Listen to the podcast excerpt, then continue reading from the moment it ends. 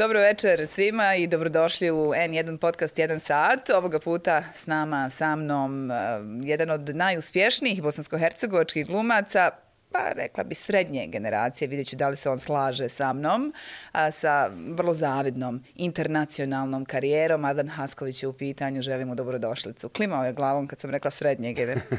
Saglasan sam, saglasan. Mlade generacije. Da, da. Pa u principu osjećam se mlado, ali po ovim konvencijama spadam u tu srednju generaciju. Tako, ali ne bunim se. Sve, sve stvari osjećam. Sam da nisam starije generacije. sve ostalo je okej. Okay. Ti si u stvari, gledala sam danas koje si godište, ti si u stvari rođen posle olimpijade. Tako. A vežem to za olimpijadu zato što sad obilježavamo 40, 40 godina, godina. olimpijade onda ti imaš manje od 40. Pa 39 napunio 23. decembra. I olimpijade još, ono, imam, još imam fore godinu dana do 40. Varam se. Uživaj. Da. Posle 40. sve katastrošalim. Znaš kako kažu 40. su nove Najbolje, 30. 20. Najbolje. Ta, pogotovo, pogotovo za muškarce.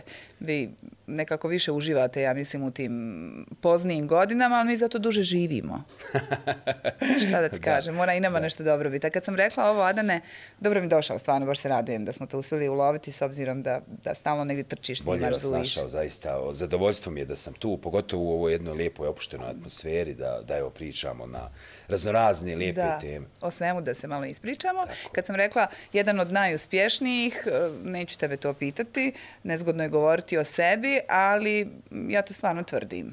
Hvala, hvala. Zaista mi imponuje i čast mi je. I htio dok da spomenem, hvala za tu divnu najavu. Mm -hmm ja, ja ne osjećam se tako, zaista cijenim rad svih svojih kolega i smatram da ima nas puno koji smo napravili značajne iskorake, ne samo jel, u regiji, nego i van, van regije, tako da, ali eto, drago mi je to čuti, jedna potvrda i jedan podstrek za dalje. Da, čime se uopće e, mjeri, ako imaš odgovor na to pitanje, uspjeh glumca, ali evo pitaću te i uspjeh čovjeka šta ti podrazumijevaš pod uspješnim čovjekom? Ili evo, kad se ti osjećaš uspješnim? Mislim da je to dosta individualno, da, da, da nema nekih objektivnih parametara. Pa, ja ću sad spojiti to dvoje, e, to je nama i naš profesor dragi Zudin Bajrović, a i generalno filozofija e, glumačkog zanata govori da jedino dobar čovjek može biti dobar glumac. Jer e, kako ti možeš biti dobar glumac ili dobar umjetnik, ako ti ne osjećaš empatiju prema pojavama društvenim, dakle, ako ti nisi neko ko sublimira u sebi sve ono što se dešava oko nas i ako te ne dira tragedija nekog drugog ljudskog bića ili sreća nekog drugog ljudskog bića. Tako da ja to ja jedno i drugo povezujem, mislim da je uspjeh biti prije svega uh, neko ko će biti izvor e, rješenja, ne izvor problema i neko ko će pokušavati da gasi požare, a ne da ih pravi i neko ko će da bude spona između uh, crnog i bijelog, istoka i zapada. Ovo namjerno govorim jer mi se nalazimo u Bosni i Hercegovini koja je takva, ona je na međi istoka i zapada i treba da budemo mostovi. Eto, to je nekako, jer umjetnost je most. Ja svaki film i svi moji, moje kolege kada pravimo ne, ne, neku kreaciju i neki film, naša je poruka da, da, da to uh, promijeni nekog čovjeka da doživi katarzu, da se ljudi preispitaju, da se zapitaju, da podsjetimo na neku tragediju, da, da, da ukažemo na nešto što, što nije dobro, pa da zajedno o tom fenomenu razmišljamo. I mislim da, da je to uspjeh prvenstveno. I, i i glumca i čovjeka. Čovjeka uopće. Bilo mi je baš zanimljivo to kad si rekao da, da nema, odnosno što je rekao Izvodin Bajrović, tvoj profesor, ali kolega. Tako je, tako je. A, često zajedno igrate? Koliko pa, često? Jesmo, u pozorištu no, smo onako, ono, on je moj pozorišni otac, jer uh, i u predstavi Legenda o Alipaši, on je igrao tog, uh, nije mu biološki otac, ali zapravo njegovog mentora i kao oca, ali je Lepira poslije onda u predstavi prvi put s ocem na izbore, zaista mi igra oca, tako da, da smo uvijek nas je kroz, kroz uh, i, i film, seriju, a i teatar vezalo to otac-sin. Pa kasnije kod, uh, u serijama Mebius produkcije Faruka Sokolovića, našeg peča Crna Hronika, Izo je meni uvijek bio otac. Da. Tako da i zaista ga osjećam ga stvarno kao dijelom porodice. Iako se znamo nekad i ne čujemo se dugo zbog obaveza, ali, ali uh, kada se nađemo kao da vrijeme nikad nije stalo, kao da smo samo nastavimo tamo gdje, gdje smo. To je meni baš lijepo u vašoj profesiji što vi zapravo sa ljudima koji su vam bili mentori, koji su vam predavali, a, nakon završene akademije najčešće budete na sceni, da li ovo je pozorišno ili filmsko ili slučaju serija, ali šta ti e, jedu reći, da mi baš bilo zanimljivo to što je rekao da, da e, samo dobar čovjek može biti dobar glumac. Imala sam ja jednu profesorcu koja mi uvijek, i, i, i često smo raspravljala o tome, ja nisam sigurna da li se s tim slaže, moram ti priznati, ali ona mi uvijek govorila, um, kad sam učila retoriku, da, uh, i to nije samo njena teorija, ima velikih, dakle, um, teoretičara retorike i velikih velikih govornika koji su isto tvrdili da jedino dobri ljudi mogu biti dobri govornici. I meni je to tako izgledalo besmisleno. Ja sam stalno kao ono kontraargument, ali toliko ima blažljivaca, manipulatora koji su odlični govornici. Onda ona me kaže, da, da, da, ali sve do jednom. Tako je, tako je. Dok se ne rasklikaju, dok da. ne padnu maske. A ovaj, e, ta dobrota je kontinuitet. Ne možeš ti glumiti dobrotu. Mi, jel, sad iz, iz mog zanata, mo, sve se može odglumiti ali dobro je i rečeno, do jednog određenog momenta. Međutim, ona nutrina, ona suština, ono što je podsvijest zapravo, jer mi u našem zanatu uvijek budimo podsvijest. Dakle, pronalazimo šta je razlika između glumca i koji je završio akademiju i nekog čovjeka koji to posmatra i kaže kako vi to uspjevate. Pa mi analiziramo sebe i ponirajemo duboko, jer u nama se nalazi sve. I e, e zapravo naš zanat je da iz tog podsvjesnog u svjesno i da onda to time na neki način, iako je pogredna riječ, odnosno napravljena je pogredno, manipulišemo, manipulišemo emocijama, ali na onaj najljepši način, ne na onaj da bismo pravili kontra efekte, nego zaista da se postigne, da krajnji cilj bude dobro. Tako da, da složio bi se s tom, s tom tezom. Složio jo, bi se još sam ja ambivalentna, ali evo, um, ova tvoja tvrdnja i tvrdnja iz Udna Bajrovića me možda korak primakla ka, ka tome. U, u tom kontekstu, dobri i loši ljudi, jel ti više voliš glumiti dobre ili loše likove?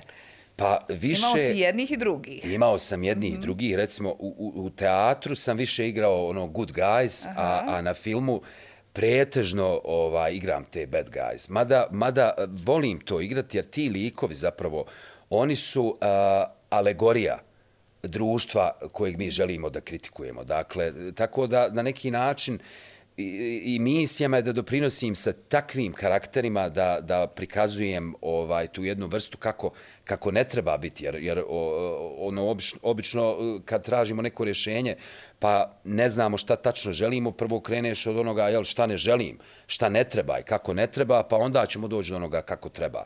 Tako da mislim da, da E, imponuje mi zaista igra te likove, oni su uvijek zanimljivi, intrigantni, e, više možeš upotrijebiti glumačkog alata igrajući takve karaktere, dok jel, dobri, dobri ljudi, oni su više pasivniji, oni su defanzivniji i možda na ekranu nisu toliko interesantni kao, kao pogotovo možda u, u domaćoj kinematografiji recimo hollywoodska kinematografija i od good guys pravi ono akcione junake, onda tamo kad je neko ovaj u konačnici dobar, on, on je ono super heroj.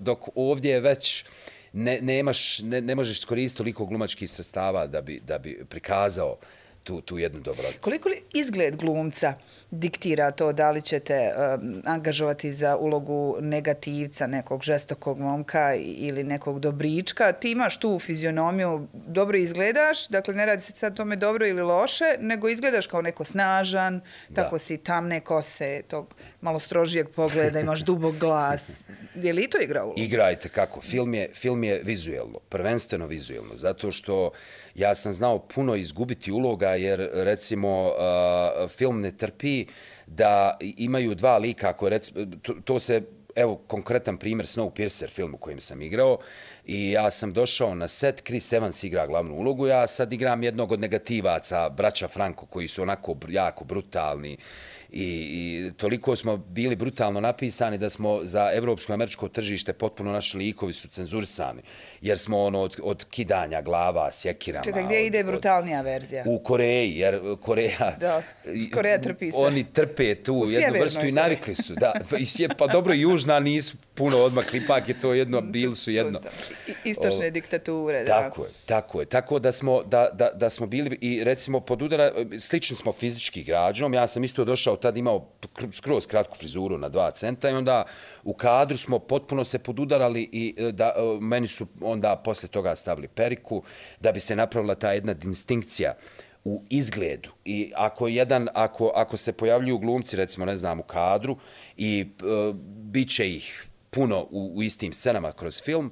Jedan ima obavezno plave oči, drugi mora imati brown. Rijetko kad dvojica s plavim očima ili, ili jedan plava kosa, jedan crna kosa, jer ako imate u kadru četiri čovjeka i svi su onako Topi malo tamni, potpuno se stopi vizuelni, A. vizuelni. Tako da sve, sve u filmu vizuelno. Recimo, ja sam znao izgubiti bukvalno super, kao najbolji si bio na castingu, ali glavni glumac me ne zna. Ja, recimo Orlando Bloom, to je, to je bila jedna uloga uh, u filmu uh, The, The Outpost, ja mislim, ili Outcast, z zaboravio sam sad i naziv, uh, i Orlando Bloom igra glavnu ulogu i, i igra, um, uh, um, zaboravio sam u ime, sin od Clint Eastwooda, uh, ne mogu sad da se sjetim imena, sjetit ću se poslije, Eastwood, uglavnom isto je prijezime, i oni su onako brown, brown oči, i ja bukvalno izgubim ulogu zbog, jer kao treba da budem uz njih, taj neki plaćenik koji dolazi iz Evrope, koji je isto vojnik, dešava se radnja u Afganistanu po, istinom, po istinitom događaju, i uzmu jednog šveđanina, plave oči, plava kosa. Tako da, to su, film Ali je dobro, i dobio si uloga. Ali i dobio sam. U, ne, tako. Negdje dobiješ, negdje izgubiš. Ja to i gledam, ono što ti, što ti je suđeno, nećete zaobići. Ali koliko ti je pomoglo generalno to što dobro izgledaš? Uvijek se u glumicama priča na taj način da, da izgled mnogo znači, da je važno da je glumica lijepa, mada mm, ima fantastičnih, evo i kod nas, bosansko-hercegovačkih, pogotovo teatarskih glumica, tako. koje su prvenstveno sjajne glumice, izgled je nešto sporedno, ali koliko misliš da je tebi pomoglo? Pa pomoglo je, pomoglo je zaista u nekim projektima. Ako bismo gledali ovom logikom, malo prije spomenu, u nekim je odmoglo, jer, jer sigurno da sam se rodio kao da sam američki glumac, da sam rođeni amerikanac i da sam jel, postao prepoznatljiv u Americi, više bi mi to bio plus, uh, jer, jer nerealno je da, da ja igram neke glavne uloge ili nekog uh, neighborhood guy from the Brooklyn, jer nemoguće jednostavno, uvijek ćemo mi koliko god se potrudili imati malo akcenta. A s druge strane, opet, uh, zavisi od reditelja kakvu vrstu negativca traži. Ako ide stereotipom onim, pa da Rusi su svi plavi, ne znam, imaju plave oči, i da trebaju da izgledaju grdno. Kad kažem grdno, zaista je to tako, jer uh, malo i američka kinematografija prikazuje Ruse kao da su neki ono vanzemaljci, štoli. neugledni štoli. Ma da, ništa nije, nije ovaj slučajno. Tako da nekad mi odmogne, ono, nekad kao, recimo, imao sam jedan komentar za jednu seriju, kao imaš pre, pre ovaj, uh, tako mi rekao reditelj, savršene crte lica, kao ono, malo si baby face, iako izgledaš grubo, ali kao trebao biti malo još negativniji, ono, vjerovatno bi trebao da ima više ožiljaka na licu, štali.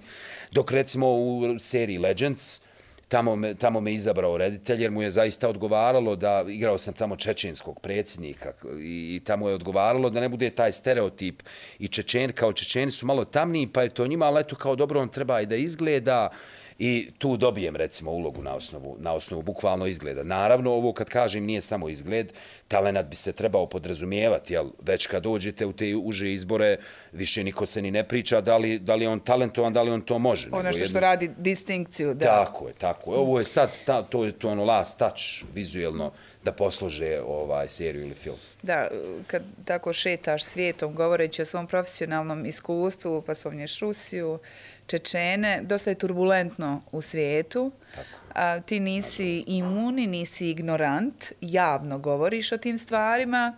a, kažeš da nije u redu da šutimo, evo prevashodno tu mislim na ubijanja a, najpred djece, Tako. žena, civila koja se trenutno dešavaju u Gazi, a, pogotovo zato što možeš da se poistovjetiš kao dijete ratnog Sarajeva. Tako. Važno ti o tome govoriti. Tako je, i tekako. Mislim da nemamo pravo i naša je dužnost, evo sad kao čovjeka prvenstveno, pa onda i kao umjetnika, da ukazujemo na te stvari. Jer ovo što čemu mi svjedočimo i čemu smo mi svjedočili tada pod opkoljenim Sarajevom i pod agresijom nad našu zemlju je zapravo jedna, kako bih rekao, poraz za čovečanstvo, poraz za sve one koji učestvuju u tome. Dakle, dakle, zašto čovjek čovjeku mora biti neprijatelj? Pa š, kakve su to razlike da čovjek ponižava čovjeka, da čovjek ubija dostojanstvo drugog čovjeka? Šta, šta je to vrijedno? Koji to komad zemlje? Koja, koje, koji to komad neba? Koja obala? Da, da, da mi, ako ja kao čovjek sebe isključim te empatije i dehumaniziram do te mjere, da mogu da gledam javni genocid na televiziji, ubijeno 12.000 već djece, raskomodanih glava, tijela, ruku, mislim, ono nismo ni na filmovima vidjeli, jer, jer zaista i film ne trpi ono cenzuriše se u cenzuriše.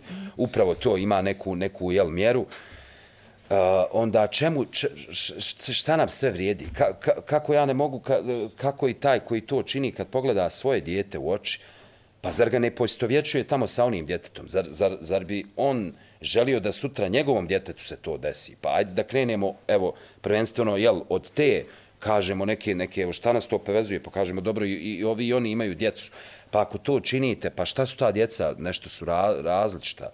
Mislim, jedna... Ali, ali vrlo dobro znaš da je realnost drugačija, ma što je mislili o tome, da živio ste u ostalom i na vlastoj koži. Tako je, tako je. Tako Ubijeno je toliko djece i a, naše grada. Ti si bio klinac, ali vjerujem da se sjećaš dijelom. Sjećam dijelom, se da. svega, savršeno se sjećam, zato što naravno kao dijete ti nisi svjestan opasnosti kao tvoji roditelji ali ljudi koji su e, kao dijete ti na neki način zaštićen ishoda jer, jer ti ne razumiješ još ti tek spoznaješ život tako da ne možeš ti ni spoznat dobro i zlo kad ti je sedam godina, a, ali zapravo vidiš da ono, shvatiš ljudi nestaju, dojuče je neko bio tu, odjednom ga nema, onda vidiš ranjene ljude. Ja sam recimo svjedočio sceni kada je moj, mom ocu eksplodirala jedna naprava, spremali su se za teren i to je kako, sam, kako smo živjeli u kući.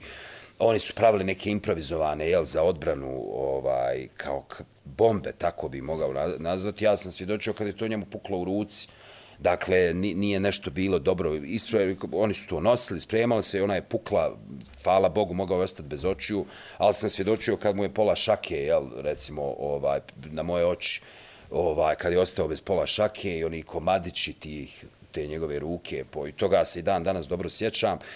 Tako da, da li, da li je to sad ostavilo neku traumu? Nije. Na, na mene lično, jer ti preko noći mi, ta djeca, odrastemo, jel, mi poč, bivamo zreliji nego što bi trebali biti. Zaboravimo više i da smo djeca, jer ne bi jedno dijete trebalo takve stvari da gleda.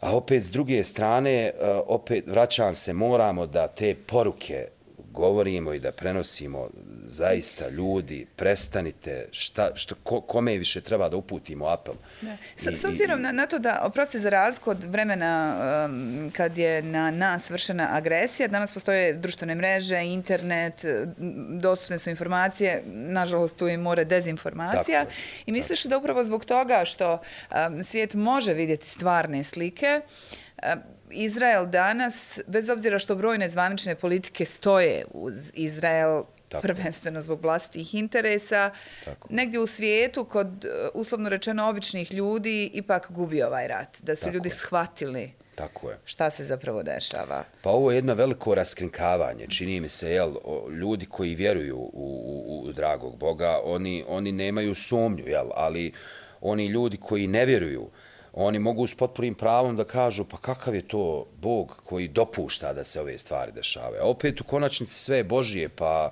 svi procesi su njegovi, vladar je svih procesa i onih, i, one, i onih na onoj strani koji to čine i onih koji, koji to žrtvu podnose, koja je nama jel, na ovom svijetu onako izgleda brutalno, a opet u konačnici Eh, mi ne znamo šta, u čemu je sva mudrost i onda shvatimo jednu od tih mudrosti da je zapravo raskinkavanje. Da ovo sve prije što je, što je našta 70 jel, i nešto godina ti ljudi upozoravaju, sad svi to ljudi vide. I, I zaista tek sad shvataju šta, šta je zapravo o, o, o, o, sve rađeno i kako su uspjeli da prikrivaju sve ove godine taj jedan egzodus, apartheid, uh, taj jedan otvoreni logor, tu jedno, kako bi rekao, tu torturu, gdje vam neko upadne u tri sata noći, pre, ovaj, skine vas gole pred vašom djecom, maltretira vas pod sumnjom da ne znam, vi ste juče pili kafu sa nekim za koga se sumnja da je u sklopu neke terorističke organizacije. Mislim, to, I onda je sve opravdano. Demokratija gubi smisao, konvencija gubi smisao. I naravno da sad to cijeli svijet vidi, politike naravno vode svoje, jer politike su vezane za interes, njih ne zanima humanost i čovečanstvo, ali, ali je, koliko god sad zvučalo, uh, kako bi rekao, možda nemoguće, ja mislim da će biti pozitivan ishod za one koji trpe, koji trpe tu torturu. Međutim, uvijek uh, ima pozitivnih priča i pozitivnih primjera uh, među uslovno rečeno, zaračenim stranama, kao što je ovdje bilo bezbroj Tako. primjera gdje Tako. su pripadnici jednog naroda pomagali pripadnicima Tako drugog, je. spašavali. I baš uh, si igrao u jednom uh, kratkometražnom filmu koji govori o isprepletenim sudbinama upravo uh, muslimana i jevreja. Tako je. A šta se desilo? Sevap Micva se zove. Sevap Micva. Šta se desilo s tim filmom? Bile su brojne najave da ulazi u borbu za Oscara. Tako je. Tako, I, I evo sad su izašle nominacije zvanične, Izašle nema su ga. nominacije, nismo, nažalost, uspjeli da, kad kažem nismo, osjećam se zaista dio tima Sabina koja je režirala i koja je producent i sva ta ekipa okolo, zajedno sa Sanilom Jenkins koja je executive producer, priključila se da probamo, jer zapravo na kraju je to sve jedan lobby. Uh, nažalost, malo ko gleda šta je tema filma i šta je kvalitet filma, jednostavno ko se uspije izboriti da izlobira nešto o, i da to dođe na radar, taj, taj i prolazi. Evo, Oskar već zadnjih možda 20 godina je stvar lobija. Puno boljih filmova nekad ostane koji nisu uopšte ušli u nominaciju, kreacija, pa onda shvate, ne znam, da su pogriješili, Akademija shvati tu godinu smo pogriješili, onda narednu godinu za puno slabiji projekat nekom glumcu, glumici, režiseru. Da se oduže. Ko, da se oduže i onda je to sve jedna politika, pogotovo kratki film je onako jedna, nije toliko interesantna kategorija i onda natjerati uopšte glasače da glasaju u toj kategoriji tih članovi koji su sastavljeni od filmskih radnika i njih ima negdje blizu 7000 koji mogu da glasaju. Da bi, da bi glasali moraju se registrovati, pa kad se registruju odgleda 30% od 184 prijavljena kratka filma, 30% pogleda da bi uopšte dobili pravo da glasa i onda to njih vjerovatno smara i onda to ne čine i jake lobističke grupe uspiju svoje filmove da, da, i, da natjeraju neke od tih glasača i onda nekad je dovoljno 30 glasova da neko prođe u užu kategoriju, a recimo neko koji je dobio 2, 3 nije uspio jednostavno da natjera ljude da, da glasaju, o, ostane, a možda puno kvalitetnijeg filma. I meni je žao jer mislim da je prvenstveno zbog momenta kojeg mi svjedočimo, jel? jer priča je zapravo o tome kako je čovjek... To je istinita priča. To je po istinitom mm. događaju koja se desila za vrijeme drugog svjetskog rata ovdje u Sarajevu, gdje je porodica Hardaga, dakle, žrtvujući svoje živote, svoje postojanje, zaštitila dostojanstvo drugog čovjeka, druge porodice, ne gledajući koje, koje vjere, dakle, gledajući... Radlo se jevrejima. Radlo se jevrejima i o progonu, jel, kada je biti, biti uh, jevrej tada u, u, u NDH i u nacističkoj, jel, pod nacističkom vladavinom, je zapravo bilo ravno et, gotovo vi ste osim trake koju ste imali, već, već ste bili osuđeni kao živi mrtvac. I tada, a i ljudi koji su im bili eh, na ispomoći, neko ko je pokušavao da pomogne, dakle, nije se tu gledalo, dakle, i njih se jednako tretiralo, odvozilo i logore i njihova konačnica je bila smrt. Tako da, da ovo je jedna zaista plemenita priča i poruka čovečanstvu kako trebamo da, da se žrtvujemo i da, da, da kad su najteže okolnosti, tada se pokazuje, tada su te linije između dobar čovjek i loš čovjek. Kada, kada možeš sve da izgubiš, ok, kad ti nemaš šta da izgubiš, pa nešto kao ti daješ nekom podršku, svaki vid podrške je ok, ali kad ti možeš sve da izgubiš i tada tvoj instinkt onog dobra proradi, ti kažeš pa šta sam ja, šta moj život vrijedi ako ću ja da ovo što smo pričali u početku, ako ćemo mi gledati tuđu djecu kako neko beskrupulozno ubija i kida im komade tijela, da. kako ja onda mogu sutra pogledati oči svoje djete, jer, jer, jer Tako da, da zaista mi je žao. Ali on jer ipak dobio dosta nagrada i, i dalje, vidjelo ga je ljudi. Tako i... je, tako je. Film i dalje ide na festivalima. važno je da ga ljudi vide. Upravo, mm -hmm. upravo to. Da. I, I film, film, ovo je eto neka kao ekskluziva, sprema se dugometražna verzija, odnosno scenarij koji ja i mislim da on više priliči dugometražnoj Dobro. verziji. Međutim, naravno, Sabina je mud, mudar potez napravila, skrenula je pažnju kratkim filmom, jer puno manje sredstava treba za kratki film. Dobila je povjerenje ljudi koji su i dali inicijalna sredstva, tako da, da ona sad ima otvorena vrata da traži veliki budžet, da skupi sredstva i da se radi ekipa Pa moj je prijedlog čak uključiti hollywoodsku ekipu i mm -hmm. možda igrati na engleskom ovaj film. Za, smatram da bi možda dobio širi auditorij globalno Jasne. i što da ne uključiti, naravno da igraju da igra i bosanski sastav, ali sa možda da to zabiberimo sa nekim jednim ili dva hollywoodskim glumcem koji bi povukao... S nekim Brad Pittom, evo. Pa što da ne, što da ne, da igra možda neku... Brad Pitta nisam Brad upoznao, Pitta nisam. Jesam Javier Bardema, Penelope Cruz, kako, jel, s Penelope sam, pa oni su muž i žena. Uh, na Snowpierceru puno, puno uh, svojih kolega, ali Sean Beana, ali nisam Brad Pitta. Ali ne, ne znači da neću. Život je pred tobom. Tako je, tako Život je pred tobom i pred njima, kamo li pred tobom. kako uopće, hoćemo da pričaš o nekim od tih ljudi, ali kako uopće da ne nastaju te međunarodne um, saradnje, odnosno međunarodni angažmani? Kako je izgledao tvoj put? Je li to preko agencije ili se desilo, neko te tamo pozvao na... Da mi to ispričaj. Pa većinom je putem agencije, mm -hmm. a nekada se desi desi i nekom preporukom. Dakle, dakle puno faktora utiče na, na, na, da, bi, da bi u konačnici neko dobio ulogu, ali nekako najprirodniji put je taj agencija. Dakle, dođe jedna produkcija, traži nekog glumca i ima otprilike viziju, reditelj u glavi, kako on vidi, kako on zamišlja taj karakter. I onda on krene, jel, prvo da lista slike, kaže ovaj, ovaj, ovaj, ovaj, da mi snime neki self-tape, neki casting i pošalje neki urnek Uh, iz, iz, iz neke scene. Obično na prvim tim kastinzima ne otkrivaju puno materijala, jer žele da vide kako glumac to doživljava i kako bi glup, šta, šta on intuitivno osjeća, bez da ima puno informacija o tom materijalu. I onda nakon toga zovu drug, ovaj, to se zove jel, ono, drugi, treći, četvrti krug castinga, to su ti uži izbori, kada se pravi uža i uža selekcija da bi na kraju o, neko dobio jel, u konačnici ulogu, a zapravo tu utiče nekad imate recimo na seriji želi vas jedan producent, želi vas drugi producent, želi vas reditelj i onda u konačnici mora mreža, nakon što su svi oni potvrdili, taj network, odnosno mreža, da li je to, recimo to mi se desilo na Foxu ili ne znam, evo sad CV, kanal koji je zapravo sci-fi, američki kanal, mora mreža da potvrdi. E sad, ko je mreža, mreža bi mogu nazvati neki board. Potvrdi da li si ti dobar izbor. Tako je, mm -hmm. tako je, tako je. Nekad to je to čista forma. Proces. Komplikovan je proces. Uh. Recimo, znalo je trajati za Twice Born, ja sam četiri mjeseca je trajao taj proces. Za Legends je isto trajalo nekih dva mjeseca. Uh, onda nekad nešto snimite, ne dobijete, a tekuća je serija. I na početku sam recimo snimio jedan casting, iscrpili me mjesec i po dana testiranja i ni, ne dobijem ulogu. I onda nakon tri epizode i sad snima, to mi se desilo s Legends, uh, zovu me za potpuno neku drugi karakter i onda shvatim pa ova mi uloga izazovnija. O, ostane im upečatljivo da ste vi to tad snimali, ja trebamo ga iskoristiti neki od karaktera koji nam dolaze i onda vas pozivaju i onda vi formalno tad možda uradite neki casting, a već a znaju da će vas. određen da će to biti ti. Tako je, tako je. Tako tu se da, može primijetiti, ona nikad ne znaš zašto je nešto dobro za to. I kad to. te odbiju i kad se desi nešto upravo što ti u trenutku negativno, tako je, tako je. zapravo može i kako biti dobro za I za ugla sigurno te čeka nešto bolje. Ja sam uh. se uvjerio to par puta u, u, u tim procesima, stvarno.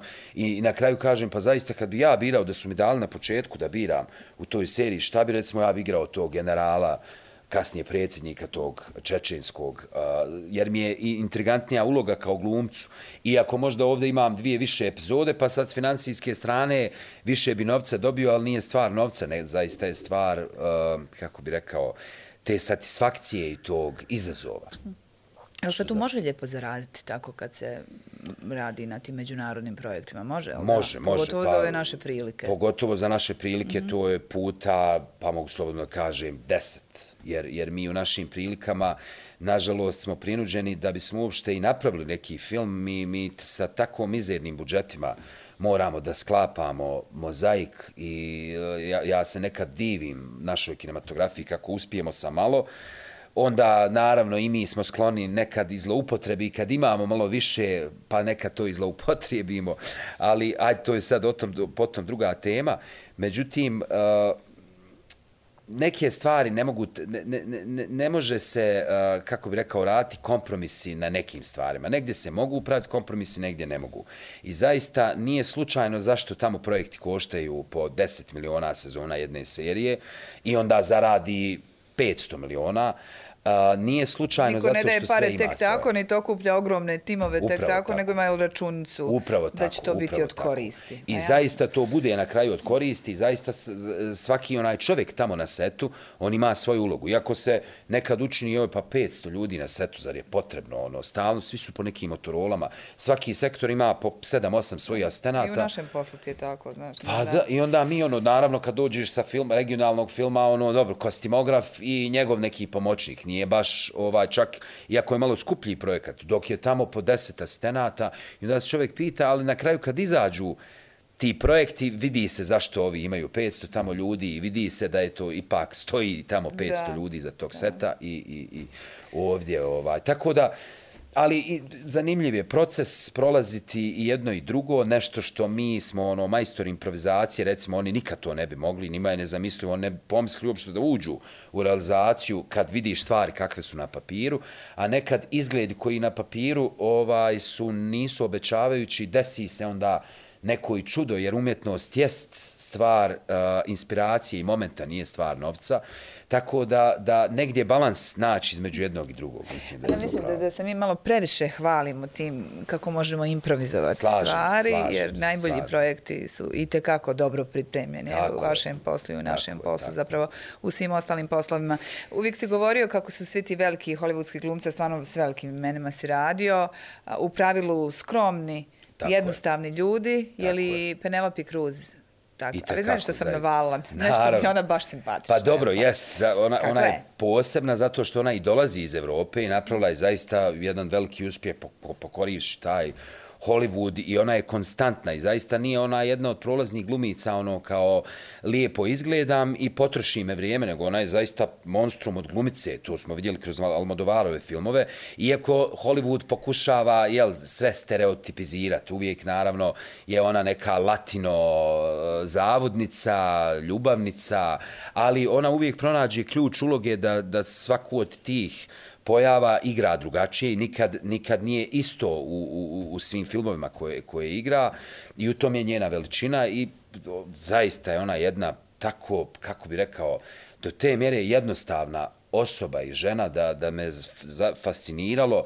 Fasciniralo me ta njena otvorenost, fascinacija naj manjim sitnicama i detaljima da neka ti Misliš pomisliš ili ona ovo glumi. E, to, to, e, to, to.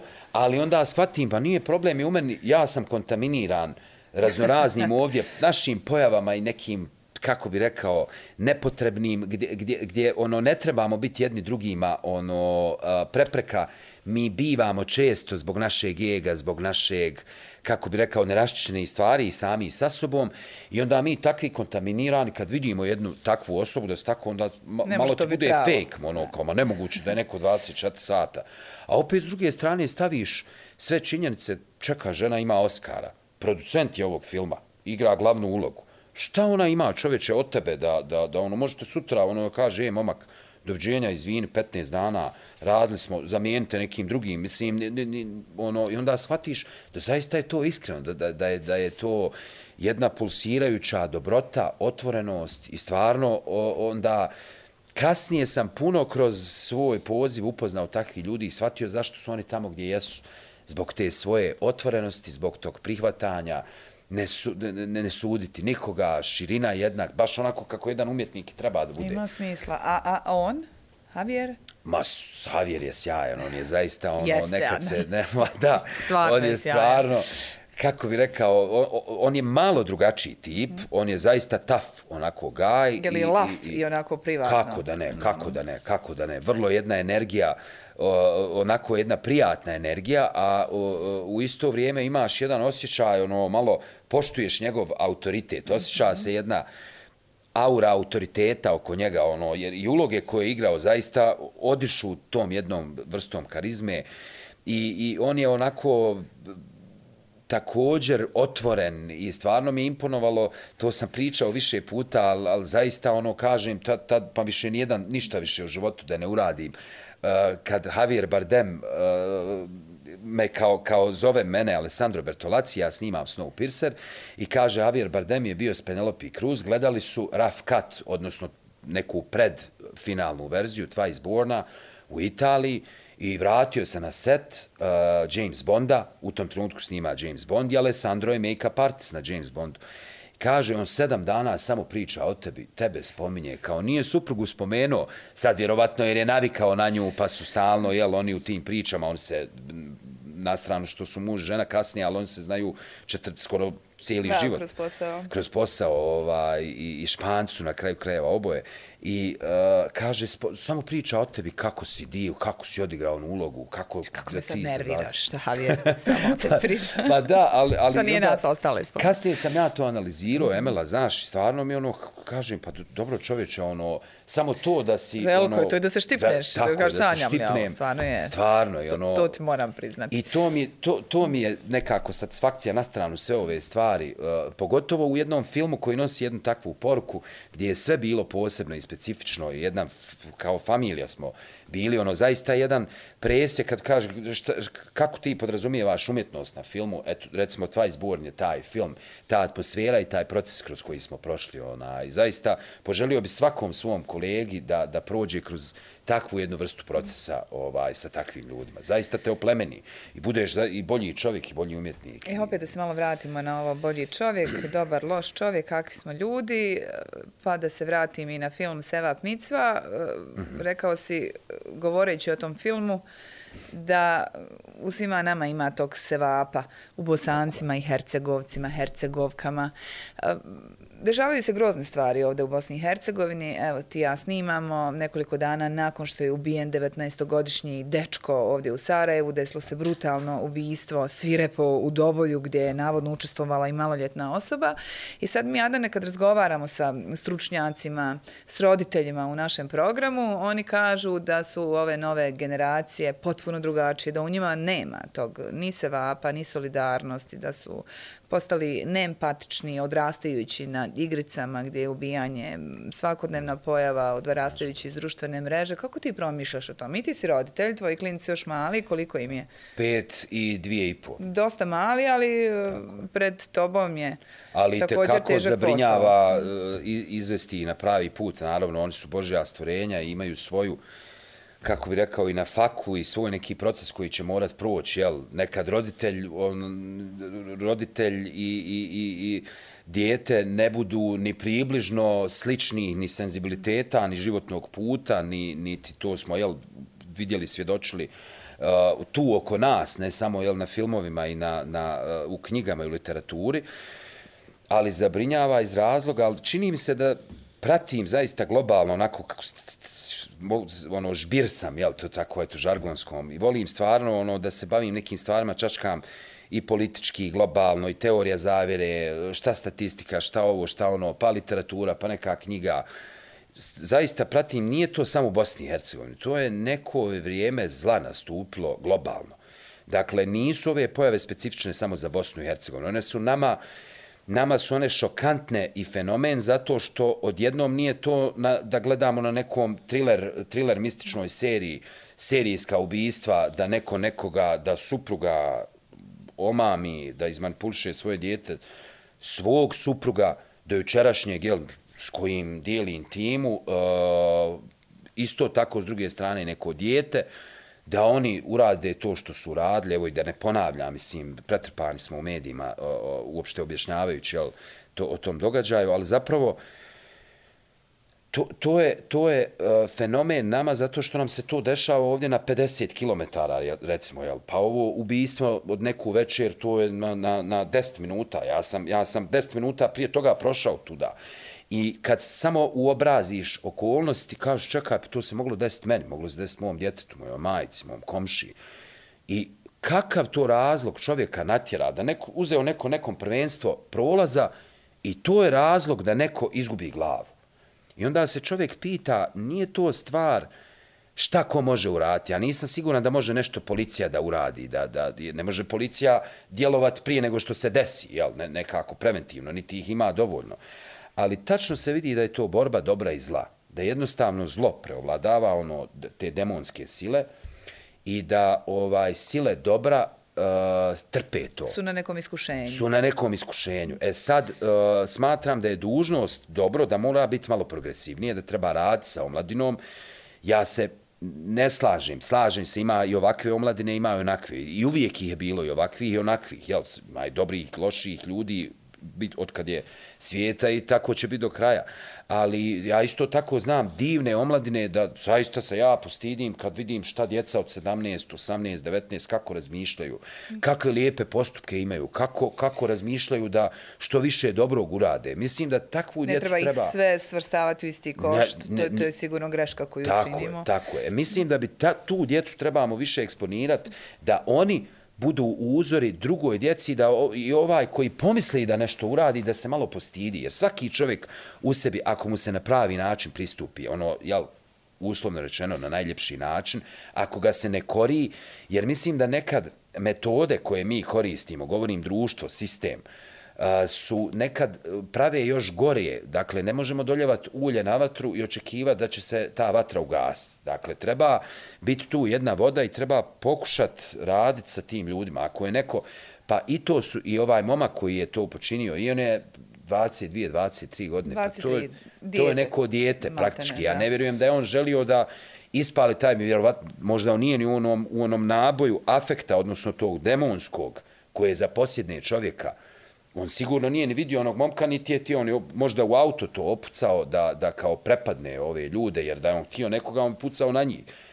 Tako je Božja sudbina bila da se to desi, ali treba ukazivati toj djeci, pa ako već ima neke prekršaje, šta radimo mi da rehabilitujemo tu djecu? Ako je već neko imao neki prekršaj... Pa Uglavnom se radi o povratnicima, da. Povratnici, dakle, dakle, vi u tim ustanovama vraćate njih još gorim nego što bi trebalo da budu. Dakle, ali kako objašnjavaš to, evo, globalno, ali u Bosni i Hercegovini, da dominira loše, a paralelno imamo ogroman procenat ljudi koji se izjašnjavaju kao vjernici. To je ono što zaista fascinira. Zna, zna, zna. Vjera podrazumijeva dobro, biti dobar, biti dobar prema sebi, biti dobar prema drugima. Zašto? Pa ja ne bih rekao puno vjernika, puno religiozni koji se izjašnja... ljudi. Ja kažem oni koji se izjašnjavaju tako kao vjernici. Sad možemo se vi izjašnjavati svakako. Pitam te zato što ja znam viš... da si ti religiozan tako i tako zapravo o tome govoriš. Ja više mislim da su oni religiozni po tradiciji, po navici, nego li da su oni promišljali. Jer stvar vjerovanja je individualna stvar. Mm. Ona nije stvar institucije, niti slijepog slijedženja neke ideje, neke ideologije. Dakle, vjera je individualna stvar između vas i Boga. I dakle, ko može izmjeriti vjeru? Kako ja mogu reći, ono, neko je veći vjernik ili neko je manji vjernik ili šta znači onaj ako praktikuje i ako on odlazi, uh, obavlja molitvu u ritualnom smislu, da on ne može biti kvaran, da on ne može da, on ne može da čini zlo. To, to uopšte ne znači to. I tako isto s druge strane da neko nije u smislu rituala i manifestacije onoga što je naređeno ne slijedi, a opet s druge strane njegova dijela se potpuno poklapaju suštinski sa onim što ta vjera govori. I to je isto jedna mudrost Božja koja je fascinantna. Naravno, mislim da se e, re, religije zloupotrebljavaju na našim prostorima uh, od strane vladajuće elite i dakle da je religija samo jedan paravan uh, za e, činjenje, kako bi rekao, kao ono dimna bomba bacim dimnu bombu, a ovamo dok, dok se vi bavite religijom i kao pa ne bi, pa Ja, ipak je... uđep. On je religiozan, on to ne bi, pa religija njegova govori, on potpuno radi, pa dakle, demon, odnosno šeitan, evo namjerno govorim demon jer znam da će nas regionalno gledati, on uh, nije proklet zato što ne vjeruje u dragog Boga. On, on tekako vjeruje u dragog Boga. On je proklet zato što nije poslušao naredbu, nije se poklonio stvorenju kojeg je dragi Bog tada stvorio i, i on se uzoholio. On je ohol. On nije nevjernik. I dakle, tu treba razdvojiti tu liniju šta je vjera, šta je, dakle, i onaj koji se zakleo da će zavoditi čovjeka i, čovjek, jed, i čovjeka jednog na drugog, a, kako bi rekao, upučivati da bude u sebi zlo i da jedan drugog ponižavaju, on vjeruje, on ne negira Boga. Tako da je sad ovo malo, ušao sam u Neka možda si- duboko, filozofski ali, ali zapravo ništa to meni ne znači, bar meni ne znači neko kad kaže, ovaj, čak se i gnušam, ono, kad mi neko pretjerano potencira, Uh, ja u medijima nekad želim da namjerno, pošto sam, uh, živim u jednom vre- vremenu predrasude, kad možda uh, ne možeš spojiti da kažeš neko je umjetni glumac, pa je i vjernik baš naprotiv smatram da, da, da o, nema pravila, ne, ništa nema pravil, pravila. Nema, ali ja vjerujem da ima dosta izazova u smislu ovih Tako nekih je. vjerskih postulata kad je recimo islam u pitanju. Pa vi glumci, mislim, to je činjenica, ste obično, ono, pa posle seta, pa se sjedne, pa se pije, pa se ima tu, tu dosta a, izazova. Tvoj posao je sigurno izazovan a, i za porodicu, za očuvanje porodice. Ovo su vremena koja su, Mhm. Je. vremena koja mijenjaju tradicionalnu porodicu. Ko zna Tako je. kako će ona u konačnici izgledati. Tako A, je. ti za sada uspijevaš svoju porodicu i želim zaista da tako bude do kraja, očuvati stabilnom. Uvijek kažeš kako je to na, na temelju kompromisa i razumijevanja. Kako se danas nalazi kompromis? Kako uopće uspijevaš ti? Onda imaš super suprugu. Dakle, Da. biti glu, ona radi... Uh, otvorili, otvorili neki magistar restoran, jesam dobro ekonomije. to razumijela, je, čitala tako sam. je. I ona Uglavnom, ne bavi se tvojim pobjegla. poslom. Ne bavi se mojim poslom, sušta je suprotnost, iako je umjetnička duša, Dobro. iako je umjetnička duša i to je ono što je nas zapravo ispojilo Mhm. na neki način, a s druge strane mi je drago što je potpuno različita profesija, jer nekad je meni samog sebe dosta, ono, zastiš se sebe. Sad znam ste da uh, ste s nekim u partnerstvu koje je, jel, uh, iste te profesije i malo dođe do zasićenja uh, materijala. Mogu, jel, da, da, da se malo našalim na tu temu, ali zapravo šta je, šta je ključ? Ključ je razgovor, ključ je ključ je razumijevanje. Koliko god to otrcano zvučalo, mi smo nekako previše uh, zloupotrijebili neke termine, pa one su sad otrcane, ali zapravo one su istinite. Treba tražiti, prvo razumjeti, ako od nekoga voliš, ako se dvije osobe vole, Pa naravno da, da voliš sve to što on predstavlja, što je dio njega, ono kako se on osjeća, ono kako on ispoljava, ono kako smo se spojili. Zašto bi sad ti bio smetnja na tom putu jedno, jedno i za drugo? Valjda treba da budemo jedno drugom, ono, da čuvamo leđa i da se Treba, ali podržavamo. svi ti naši demoni koji nas napadaju, razne Pa, ima, distrakcije, tako. obstrukcije, ljubomora kao snažan faktor također kad ste vi glumci u pitanju. Tako je. Dobro, Ona ne pati ja- od tih bolesti. Tvoja Pa naravno da doza ljubomore Mhm. postoji, ali ja zaista ne činim da ono ne doljevam ulje na E, vatru više nego što je potrebno. Naravno, nekad smo i mi sami krivci sebi. Ono, nekad čovjek, kad se desi neka stvar, uvijek po, počinje da osuđuje onu tamo osobu i traži. Međutim, kad zarovimo u sebe, shvatimo da masu nekih stvari smo mi sami sebi prouzrokovali. Dakle, mi smo doveli sebe u poziciju da ta osoba tako misli, da ta osoba tako rasuđuje, nismo dovoljno učinili da, da ugasimo plamičak koji je možda tada bio i onda nas je on progutao kao plamen. I jednostavno kad, kad krene plamen da guta, e, teško je tad e, na, ugasiti to nekim malim aparatom za, za gašenje požara. I mora da se desi neko čudo. I zapravo treba samo, e, zašto su ljudi uopšte kako bi rekao, spajaju. Odnosno, znamo mi da dragi Bog spaja, pa da na kraju krajeva dragi Bog i razdvaja. Sve je u Božjoj moći. Ovo sad govorim iz tog, tog nekog duhovnog, ali a, moramo i mi da budemo ti koji će da rade na tome svakodnevno. Ovo, jel, kaže, vežiti devu, a, a, pa onda reci neće se desiti nešto, a ne ono kao ma neće se desiti, pa pustio ti, nisi uradio što, što si ti mogao da uradiš, nego hajde da svaki dan uradimo ono što je do nas, pa hajde da pogazimo i svoj ego. Svi mi imamo negdje ego, pa ako je nešto supruga taj dan nešto rekla, pa moram ja nešto glumiti da sam ja neki veliki muškarac, pa kao da ja sad izdominiram kako to, pa kao to ja sad ljut dan, dva, tri, četiri, pet, pa stalno to sjeme neko, i onda shvatiš zarad čega? Zato što neko to jutro bio nervozan, ili s druge strane ja bio nervozan, to je ta zapravo, kako bi rekao, testovi nama, da svoj ego sputavamo. Što više poništimo sebe, mi ćemo biti jedno. Jer poenta partnerstva jeste da si jedno. Ne da se gledamo kao dva odvojena entiteta, nego kao gledalo. Aha, šta je to nešto, nešto, nešto ako, ako, ako ona nervozna taj dan, ako sam ja, znači nešto, šta je, šta, to je meni odraz, znači nešto ja nisam dobro uradio, negdje sam ja možda zgriješio, pa mi, pa mi je ovo manifestacije, jer je ona ja i ja je ona.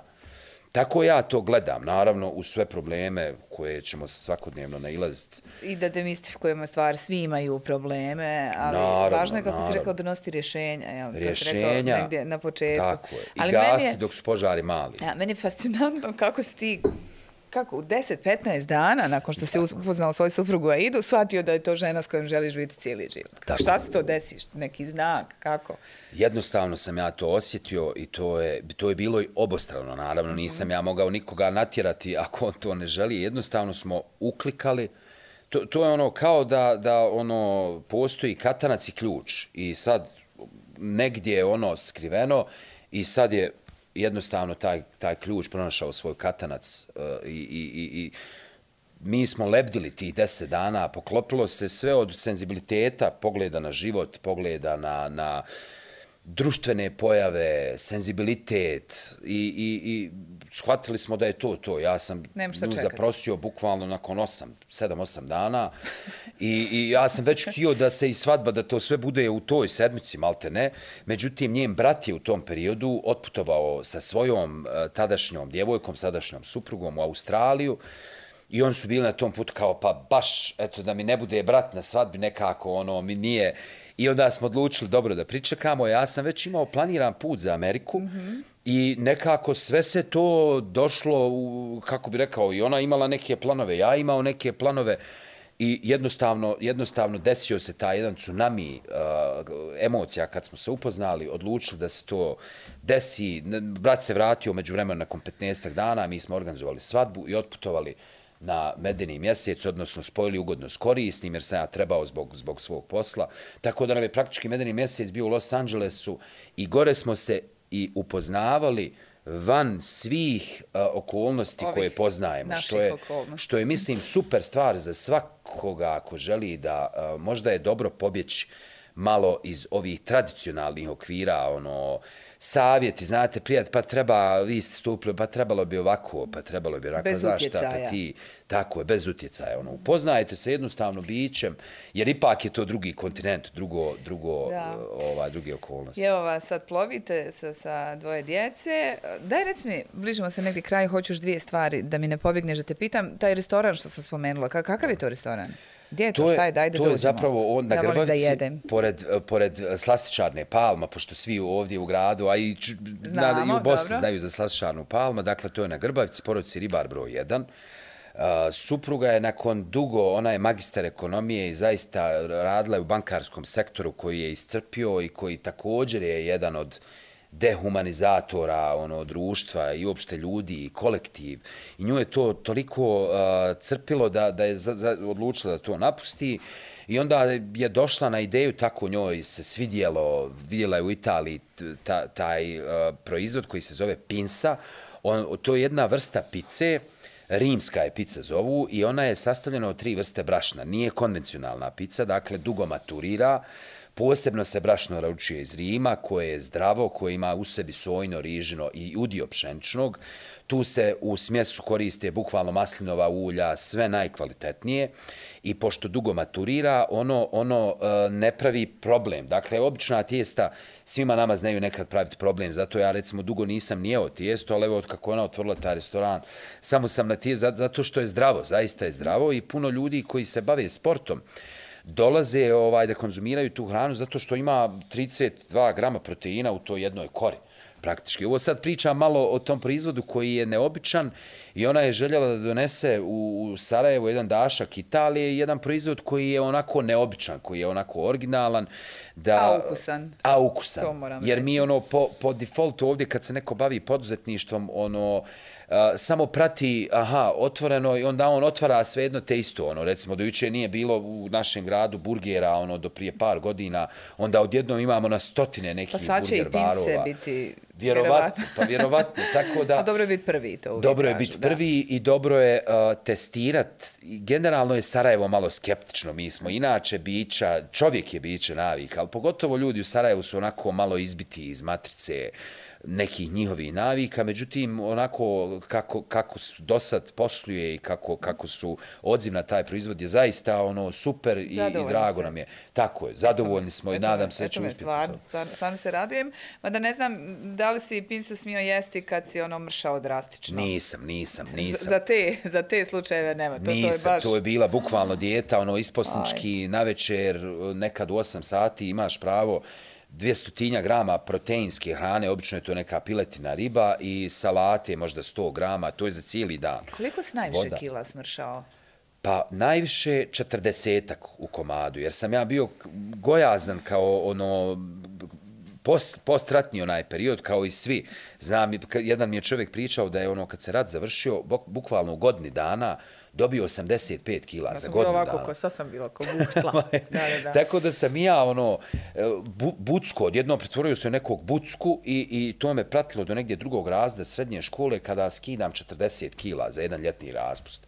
I od tada ja variram ono i drago mi jer nekako ušlo je u moj mehanizam da više sebi ne dopuštam te, te uh, kako bi rekao, ono, kilaže, uh, zapustio se kao ja, pa 20 Kad vidiš da to ide malo gore, onda ti... 5-6 kila odmah su to intenzivni treninzi, dijeta, vraćaš se. ono. Tako da ne dozvoljavam nikad sebi da, da...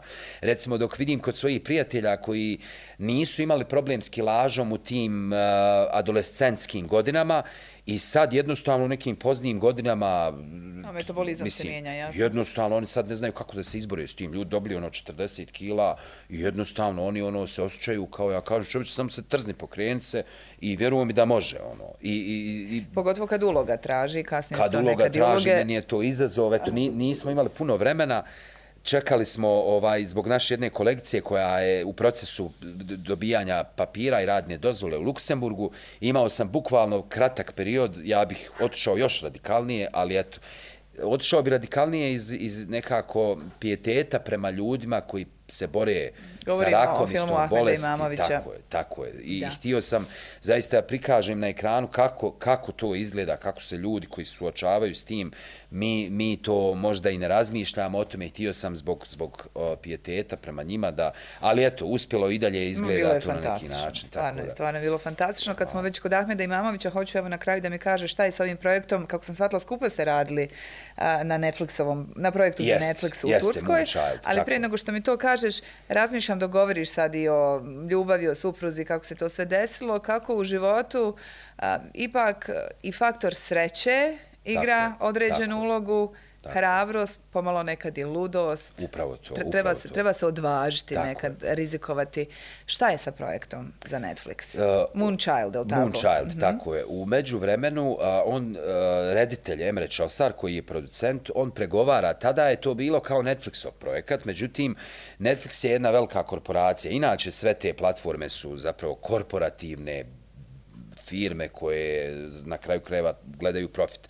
Obzirom da je to njegov prvi film, oni su malo onako pocijenjivački njemu pristupili, onda je on e, došao, kako bi rekao, i podržavam ga u tome, na ideju da on u tom drugom dijelu snimanja, odnosno i postprodukciji, investira privatni novac, da to ne bude samo Netflixov novac, da bi imao sutra izlaznu kartu, ako Netflix pocijeni njegov film, da on se može obratiti Amazonu i drugim nekim platformama, da i ipak oni e, nekome ko je debitant pocijenjuju te. E, uzme za jeftin novac neki proizvod i onda ga on plasira, zaradi velike novce i onda e, ti si tu na nekom uslovno rečeno gubitku, tako da on je sebi gradio neku bolju poziciju i kod Netflixa i kod Amazona. jer želja mu je da napravi nastavak filma, jednu trilogiju, jer je napisao trilogiju i nadam se da će uspjeti u tome. Nedavno sam se baš čuo sa rediteljem i on je kao pregovara između Amazona, UK i Netflixa ovoga, tako da, eto, ne znam, nija još.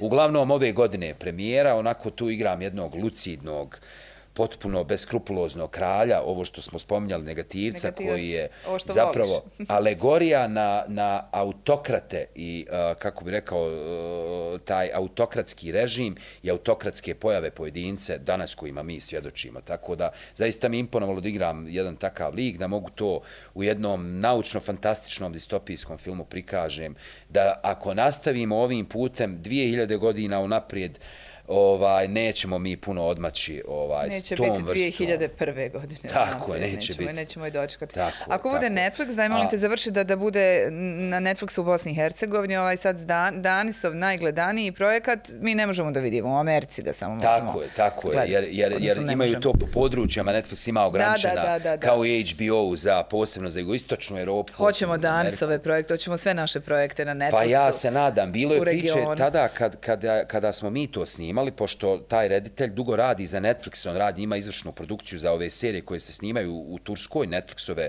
turske serije, e, bila je ideja da se otvori jedan Netflix Balkan, e, tako da bi to okupilo regionalne snage i koje, gdje bi mi zapravo imali priliku da snimamo za Netflix, a i da se, da se on prikazuje i na ovim američkim, američkom Netflixu, gdje bi poput La Casa de Papel, tako je La Casa de Papel postao svjetski hit. On je krenuo prvo u Španiji, nakon uspješne prve sezone u Španiji, onda su ga oni globalno ovaj distribuisali i nastavili u njihovom Netflix original da snimaju. Tako da nije ništa nemoguće. Nebo je granice. Nebo je granice. Samo treba upravo biti hrabar, vjerovati i nekad moramo i presići, ne možemo sve kalkulisati u životu. Ono. Nekad poslušati srce, dušu, intuiciju, ono, ono nešto što je onako malo nama nadnaravno, ali zapravo tu se krije, tu je tajna svega. Evo, baš lijepo da time završimo. Baš mi je bio ugodan ovaj sat, nadam se i tebi. I meni, zadovoljstvo mi je bilo, zaista. Da, mogla sam još, smo mogli... iskreno, mogla sam još dugo, dugo. Sigurna sam negdje da su i gledateljice i gledatelji uživali. Sretno ti. Hvala. Radujemo hvala, se Moonchildu, sretno sa svim što ćeš raditi. Biće naravno prilike da još mnogo razgovaramo. Naravno, naravno. Biće mi zadovoljstvo. Hvala vama, veliki pozdrav vama i našim gledateljima. Adnan Hasković, glumac, bio je gost podcasta 1 sat. Ostanite uz N1 televiziju i vidimo se. Mm-hmm.